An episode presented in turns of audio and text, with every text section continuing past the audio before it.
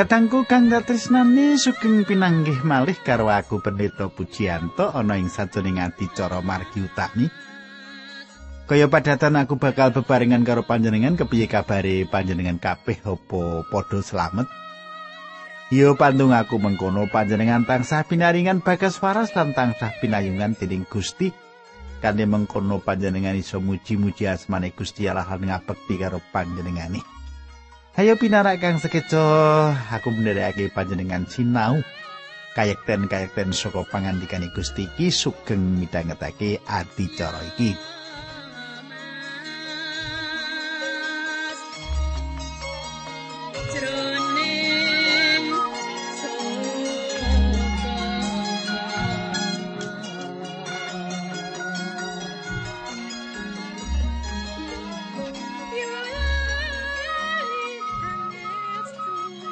Katengku apa panjenengan isih kelingan apa sing ndak aturake ing kepungkur kae?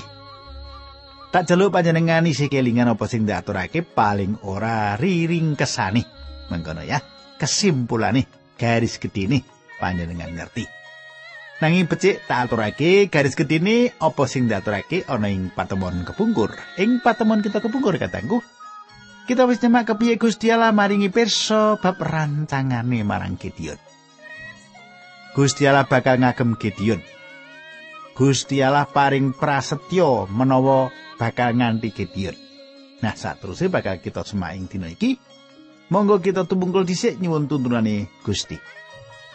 Dukane Rama ingkang adhedhampar wonten kraton ing kasuwargan kawula ngataken gunging panuwun. Menawi wekdal menika kawula saged tetunggilan malih kalian sederek-sederek kawula ingkang setya tuhu midhangetaken adicara menika. Kawula nyuwun Gusti berkahi kawula linambaran asmanipun Gusti kawula. Yesus Kristus kawula tetunggal haleluya. Amin.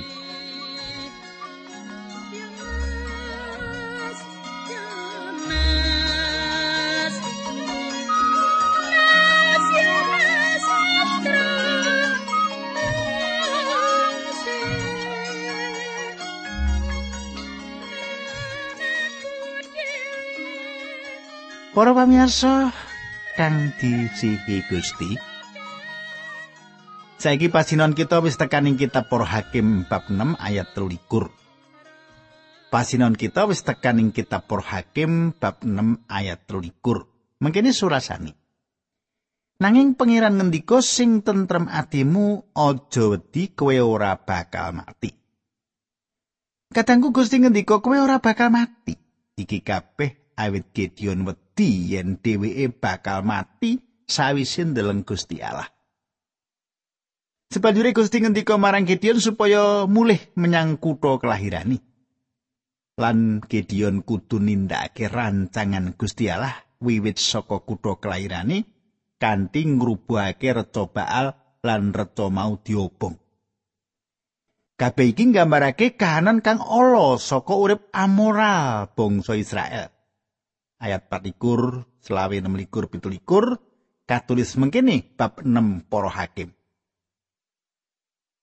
Gideon banjur yasa mesbeh lan dijenengake Allah iku sumbering katentreman. Mesbeh mau isih ana ing Ofra yaiku desane wong Abieser. Begini Gusti Allah paring dawuh marang Gideon mengkene njupuo sapi lanang sing umur pitung taun duweke bapakmu mesbeh sing didekake bapakmu kanggo baalakae gempuren. Lan cagak kayu sing ana ing sandingi sing mrelambangke Dewi Asira ketokon gawiyo mesbeh ing sak nduwure gempuran mesbeh mau? Mesbeh anyar kuwi tatanan sing becik sapi lanang mau sawutuhe sausna dadi kurban obongan kunjuk marang Allah. Kayu sing mrelambangi Dewi Asira sing kok ketok mau nggonen ngobong korban kuwi. Gideon banjur ngajak rewangi wong sepuluh nindakake apa sing didhawuhake dening pangeran mau. Sarene wedi karo Brayati lan karo wong-wong ing desane Gideon ora wani tumindak ing wayah awan dadi nggone nindakake bengi. Kadangku kaya mengkono Gideon miwiti pangumbarane malah nalika nampa dawuh Gusti Allah dhewe isih rumangsa wedi. Anggone mbangun turut Gusti Allah ora ing wayah awan dheweke nindakake ing wayah petenging bengi Nanging umat Israel nemokake sapa kang wis ngrubuhake reca Baal iku. Wong Israel mau meh mateni Gideon sepisar maneh Gusti Allah nyelametake Gideon. Nanging senadyan mengkono Gideon isih wae rumangsa mangu-mangu. Gusti Allah kudu merantasi rasa wedine. Gusti Allah kudu ningkatake kekendelane lan imane Gideon. Gusti Allah kudu nguwatake dengkule Gideon kang gemeteran. iku sawijining penandang kang kudu diadepi kanthi kesabaran kang ora sedhela. Langkah sebanjure yaiku ngisi Gedeon karo Sang Roh Allah. Gusti Allah tansah maringi sawijining kapenuhan Sang Roh marang wong kang bakal diagem panjenengan. Ayat 34 nanging Gedeon kaparingan roe pangeran mulane banjur ngunekake slompet ngundang wong-wong turun Abieser supaya padha teka melu Gideon. Kadangku swara slompet ateges perang. Nalika Gideon ngunekake slompet, umat ngerti yen iku ateges perang lumawan wong Amalek lan wong Israel kumpul ing sakiwa tengeni. Apa panjenengan ngerti apa kang dumati? Gideon kaweden lan bali suwan marang Gusti Allah kanthi sawijining panyuwun. Ayat 36 telung puluh pitu telung puluh wolu bab nem mengkini surasani. Gideon matur ing ngarsane Allah. Gusti, patuko sampun ngendika bilih kawulo kadawan milu jengaken bangsa Israel. Samenika ing siti ingkang limrahipun kawula nggih ngiling gandum, kawula sukani bulu mindo gembel. Menawi benjing-benjing wulunipun mindo wau teles dening pun mongko sitinipun boten teles menika dados tondo bilih paduka ngersakaken supados kawula nulungi Israel. Banjur kelakon kaya mengkono nalika Gideon isuk tangilan meres wulune wedhus pun sing diklumpukake oleh semangkok. Katengku Dina sebanjure Gideon bali, Gideon nguji rong prakara kang ora mlebu akal. Gideon matur, "Gusti, Kula badhe nggelar kulit mindo menika sepisan malih menawi paduka leres nimbali kula mbon menika neresi kulit mindo siti ingkang wonten kanan kiringipun garing. Aku seneng ketio nindakake perkara iku awet terus terang aku cukup mangu-mangu kanggo percaya panyuwun kang kawitan minangka sawijining panyuwun kang dumati kebenaran. Utawa ayo kita kondo yen pancen lumrah dumati ing panyuwun kang sapisan nanging bab kang ora mlebu akal menawa dumati ing panyuwun kang kapindho.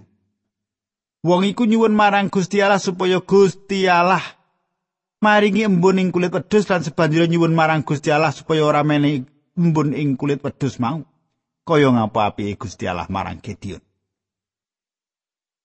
Kita bakal nemokake yen setitik mboko setitik panjenengane bakal nglatih wong iki nganti panjenengane nuntun Gideon marang kasunyatan yen dheweke ora duwe apa-apa. Sebanjure Gusti Allah bakal ngagem supaya menangake peperangan kang ngidapi-dapi. Saiki ayo kita bali ing ayat 34 lan 35. Kita nyemak yen para prajurit kuwi tekani saka ngendi-endi panggonan. Nalika slompret diunekake ing Israel iku ateges perang. Lan terus terang mitraku, dheweke yaiku wong kang pungkasan kang kepengin panjenengan karepake supaya gabung karo panjenengan. Dhewe cetha dudu wong kang disiapake kanggo mimpin wong Israel perang. Dadi Gusti Allah wiwit nggerakake ing sajroning uripe wong iki sawijining urutan kang gumathok dikaya kang bakal kita semak ing pasal pitu. Coba panjenengan semak pasal pitu para hakim ayat siji lan loro. Ing sawijining dina Gideon karo balane padha tangi gasik banjur padha pasang kemah ing sacedhake sumber Harod palerenane wong Midian ana ing lebak Gunung More, salore palerenane Gideon. Gusti Allah ngendika marang Gideon mengkene tentaramu kakean. Mulane yen perang karo wong Midian ora bakal ndak paringi kamenangan supaya jono wong duwe pengira yen nggone menang kuwi merga saka kekuatane dhewe temah ora saus panuwun marang aku. Katangku saiki Gideon menyat metu lan gatekake laskari. Dheweke duwe 30.000 prajurit lan apa kang ana ing sajroning pikiran Gideon yen gunung iki ora cukup. Wong Midian kaya walangake lan nutupi puntuk-puntuk. Wong-wong Midian kuwi ora duwe aturan. Gungunge wong Midian katone ngluwi wong Israel awit prajurit isih sithik banget. ndak pikir Gideon bakal nggunakake serompet sepisar maneh nanging Gusti Allah ngendika marang Gideon. Gungunge prajurit kakeang. Aku ora bakal maringi kemenangan karo prajurit kang 30.000 kuwi, awit mengko kowe bakal duwe pengira yen anggonmu menang perang kuwi awit saka kekuatan panguwasa lan pangidap-idapmu dhewe. Ora ana sifat kedagingan kang ngluhurake awake dhewe ana ing ngarsane Gusti Allah. Yo iku sebabe Gusti Allah kudu ngagem alat kang ringkih ing wektu iki. Yaiku cara kang terus digunakake panjenengane. Panjenengane bakal nyudo gunggungi prajurit Gideon. Ayat telu mulane gawe pengumuman marang balamu. Sapa sing wedi lunga saka gunung Gilead kene mulya ing omahmu. Wong rong puluh ewu banjur padha mulih kekarepane isih ana sepuluh ewu. Gideon duwe telung puluh loro ewu prajurit lan saiki dhewe wis kelangan rolikur ewu anggota prajurit. Panjenengan bisa uga kelingan sarate Gusti Allah kaya kang ditulis sing sajroning pepakene Musa ing kitab pengandaring Torat. Menawa ana wong kang daftar dadi prajurit wong iku duwe rasa wedi, wong iku etuk mulih menyang omahe. Nalika iku dheweke kondo, kowe kabeh kang rumangsa wedi. Dheweke bisa uga kondo, melu aku awit aku arep mulih aku luwih wedi tinimbang karo sapa wae kang ana ing kene. Nanging dheweke kudu tetep ana ing kono. Gusti wis paring dawuh marang dheweke, marang Gideon. Saiki Gideon mung duwe 10.000 prajurit lan iku wis cukup agawe sapa wae wedi nanging Gusti Allah ngendika. Sakbenere gunggunge prajurit misih kakean, kowe kudu nyuda gunggunge. Aku ora bisa menehi kamenangan kanthi gunggunge prajurit kang kok gawa. Dadi Gideon lan prajurit kudu diuji meneh. Ayat 5 nempitu mengkene, Gideon banjur ngirit wong-wong mau menyang sendang, Gusti Allah banjur ngendika. Endi wong sing nggone ngombe kaya patrape asu kuwi pisahan karo wong sing nggone ngombe saka ing tangani. Kabeh ana wong 300 sing nggone ngombe karo jengkeng nyawuk banyu dicedhakake ing tangkeme, liya-liyane nggone ngombe ngokop. Gusti Allah banjur ngendika marang Gideon wong 300 sing padha ngombe saka ing tangani kuwi sing arep tak agem ngluwari umat Israel lan nelokake wong Midian wong-wong liyane konon mulih. Apa panjenengan ngerti Apa kang kita temokake ing kene? Iki salah siji wulangan kang apik dhewe. Gegayutan karo pilihan kang asipat ilahi lan kehendak bebas manungsa, ya. Kehendak bebas manungsa. Manungsa bisa milih endi wae. Yaiku carane nyambut gawe bebarengan. Gusti Allah ngendika marang Gideon, aku bakal milih wong-wong kang bakal melu perang karo kowe nanging cara kang ndak tindakake yaiku ngejarake wong-wong mau milih awake dhewe. Gawanen para prajuritmu mau menyang kali lan prajurit-prajurit kang ngombe banyu kaya asu karo kang nganggo tangane kang digawa menyang cangkeme wong-wong iku kang ndak pilih. Kowe mulih wong-wong kang jengking kan kesuwen nalika ngombe. Aku ora mbutuhake wong-wong kuwi. Kadangku saumpama kita ana ing kono. Kita bisa takon karo anggota prajurit Gideon. Upamane kita takon karo wong kang jengking nganggo sikil lan tangane, kita teko karo wong iku lan kondo sedulur. Kenapa kowe jengking kanthi cara kang mengkono? Wong iku njawab, aku mung ana pitakonan. Kenapa aku ora melu mulih karo kelompok liya? aku nuju gagas lan aku duwe bojo lan keluarga. Lan aku pikir aku ora kudune ana ing kene. Aku kudune ana ing omah. Aku wedi. Wong iku wis milih. Wis milih. Nanging Gusti Allah uga melu milih. Wong mau wis milih nanging Gusti Allah uga melu milih Ya iki pemilihan kang asipat ilahi lan kehendak bebas manungsa. Maksudnya kehendak bebas manungsa kaya tak aturake menungso bebas milih endi. Panjenengan persani Gusti Allah milih. Nanging panjenengane ngidinake panjenengan milih. Sebanjure kita nemoni wong kang ngombe kaya asulan nyabrang kali kuwi. Kenapa panjenengan ngombe kok kaya mengkono? Takonku kabeh marang wong iku. Wong iku kondo ana ngendi wong Midian? Enteni sedilo. Jawabku kabeh, kenapa kowe nindakake perkara iku? Wong kuwi jawab awit aku nyengkuyung Gideon 100%. Kita nyemak ing kene yen 300 prajurit iku duwe ati kang siap perang. Menawa panjenengan wis kondo marang salah siji wong 300 prajurit, kondo apa kowe kabeh ngerti yen Gusti Allah milih kowe kabeh? Wong mau bakal jawab, aku ora ngerti apa kang panjenengan rembuk. Perkara kang aku kepengin tindakake yaiku ngoyak wong median iki. Katanggu, panjenengan duwe alasan bab pilihan kang asipat Allah lan kehendak bebas sakarepe panjenengan. Nanging ya kaya mengkono kuwi kang dumati. Panjenengan ora bisa nindakake alandesan alasan. Nanging ya iku kang dumati ana ing urip. Saben wong saka 10.000 prajurit Gideon nindakake kehendak bebas. Gusti Allah ora nyampuri wong-wong mau kang ana gegayutane kehendak bebas. Zaman saiki katangku Gusti Allah lumantar putrane Gusti Yesus Kristus nawakake marang panjenengan kehendak bebas kanggo nampani keselamatan. Bebas panjenengan nampani pora. Wi urusane panjenengan dewi. Iku sawijining patrap nawakake kang sah. Iki sawijining patrap nawakake kang jujur saka Gusti Allah dhewe. Panjenengan ngendika kabeh wong sing diparingake dening Sang Rama marang aku kuwi bakal padha marani aku. Aku ora bakal nampik sapa wae sing marani aku. Yohanes 6 ayat 37. Ojo panjenengan kandhakake marang aku yen panjenengan bisa gawe alasan bab pilihan saiki. Panjenengan ora bisa. panjenengan bisa sowan ngarang Gusti Allah menawa panjenengan pancen ngersakake sowan menawa panjenengan ora sowan panjenengan tak kandhani panjenengan sejatine ora kapilih menawa panjenengan kersa sowan panjenengan tak wartani pawarta apik panjenengan kapilih yaiku carine Gusti Allah makaryo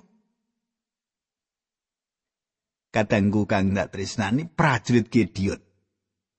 Sawijining laskar kang kebak kepasrahan. rila mati kanggo merdikake bangsa Israel.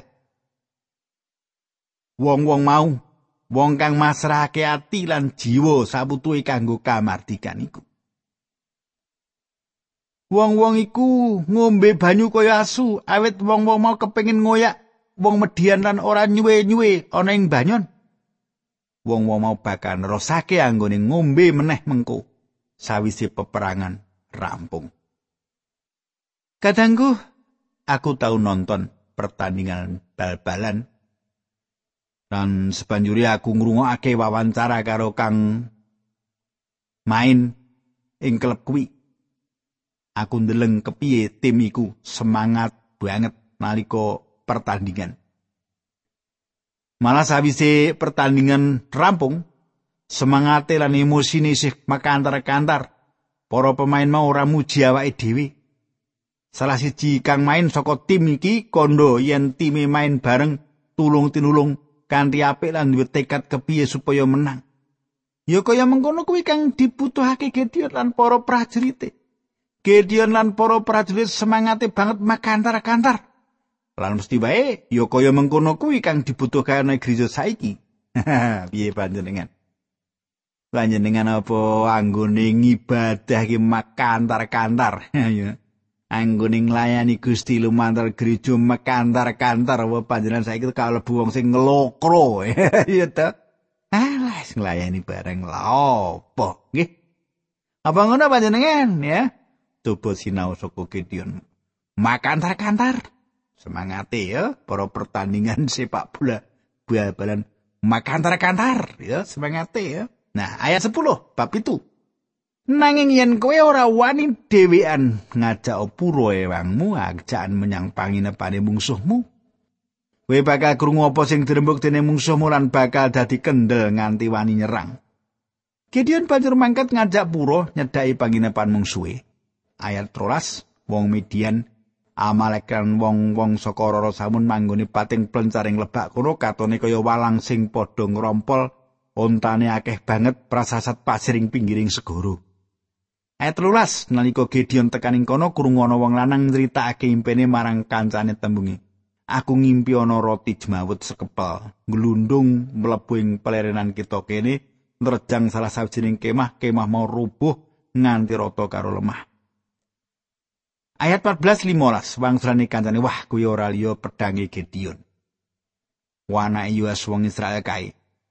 Kuwi ateges yen Gusti Allah wis paring kemenangan marang umat Israel lan bakal ngalahake wong Midian sak tentarane pisan. Bareng krungu impen sing diceritakake mau lan apa tegese? Gideon banjur nyembah sujud marang Allah. Satekane ing papan palerenane bolo Israel, Gideon banjur aweh opo. Padha siapa? Allah wis ngulungake wong Midian lan tentarane ana ing tangan kita. Kadangku Iki wulangan pungkasan saka Gideon sadurunge dhewe njegur ing peperangan. Gideon lumaku nganti tekan pungkasane kemah lan ngrungokake parembugane prajurit loro. Para prajurit mau bener-bener percaya yen Gusti Allah bakal masrahke wong Midian marang tangane Gideon lan para prajurite. Gusti Allah ngidinake Gideon ngrungokake parembugane iki kanggo menis semangat sawetara sadurunge mlebu ing sadurunging peperangan. Kadangku apa panjenengan kalebu wong sing gampang nglokro. Wedi nek arep nindakake pelayanan. Wah, aja aku dhisik lah. ya. Kadangku nek panjen panjenengan duwe rasa kepasrahan kepengin ngladosi Gusti bakal nguwatake panjenengan. Gusti bakal paring panjenengan kuwi kabisan supaya iso nglayani. Awit saka iki malah menawa panjenengan dirasa wedi panjenengan akeh sumarahe marang Gusti Allah. Duh Gusti kula menika ora mampu kula niku sinten to Gusti kok paduka agem menika. Iso ngono. Lan Gusti Allah badhe mbangun panjenengan sepatut panjenengan dadi wong sing migunani kanggo kratoning Allah. Nah katangku kepiye terus e? Kita bakal nyemak ayat-ayat sebanjure saka kitab Hakim-hakim iki. Nanging ora saiki tentune ana patemon kita sak banjure dina candake kaya sing wis dijadwal karo radio kita iki. Nah, katengku aku bakal ngaturake salam dhisik sadurunge aku ndedonga ya.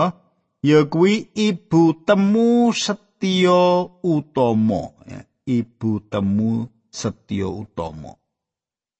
Pak Puji kula ngaturaken panuwun dumateng Gusti Allah sinaosa sakiwa tengen kula tasih kathah tiyang ingkang mboten pitados nanging kawula dipun sengkuyung lan dipun dongaaken saking pundi-pundi papan kalebet Pak Puji tentunipun. Matur nuwun Gusti merkai panjenengan. Ibu temu setya utama matur nuwun serat panjenengan Ibu. Kula badhe ndongaaken panjenengan supaya panjenengan tabah ngadepi sedaya perkawis tentunipun mboten namung panjenengan kemawon sing ngadepi kala-kala arep ibadah ngantek ra iso nggih. Monggo kita tumungkul kita ndedonga sarengan. Duh Kanjeng Rama ingkang adhedhampar wonten kraton ing kasuwargan kawula ngaturaken kuing panuwun menawi wekdal menika kawula saged tetunggilan kalian sedherek-sedherek kawula. Kawula sami midhangetaken sabda pengantikan Paduka mriginipun kawula ndongaaken Ibu temu setya utama supados Gusti berkahi. Sinaosa pepalang-pepalang kathah supados tetep jejeg anginipun pitados dumateng Paduka. Mboten namung ibu temu kemawon sedaya derek kawula ingkang gadah kepercayaan dumateng Gusti Yesus supados paduka jagi paduka sengkuyung dinambaran asmanipun Gusti Yesus Kristus kawula haleluya amin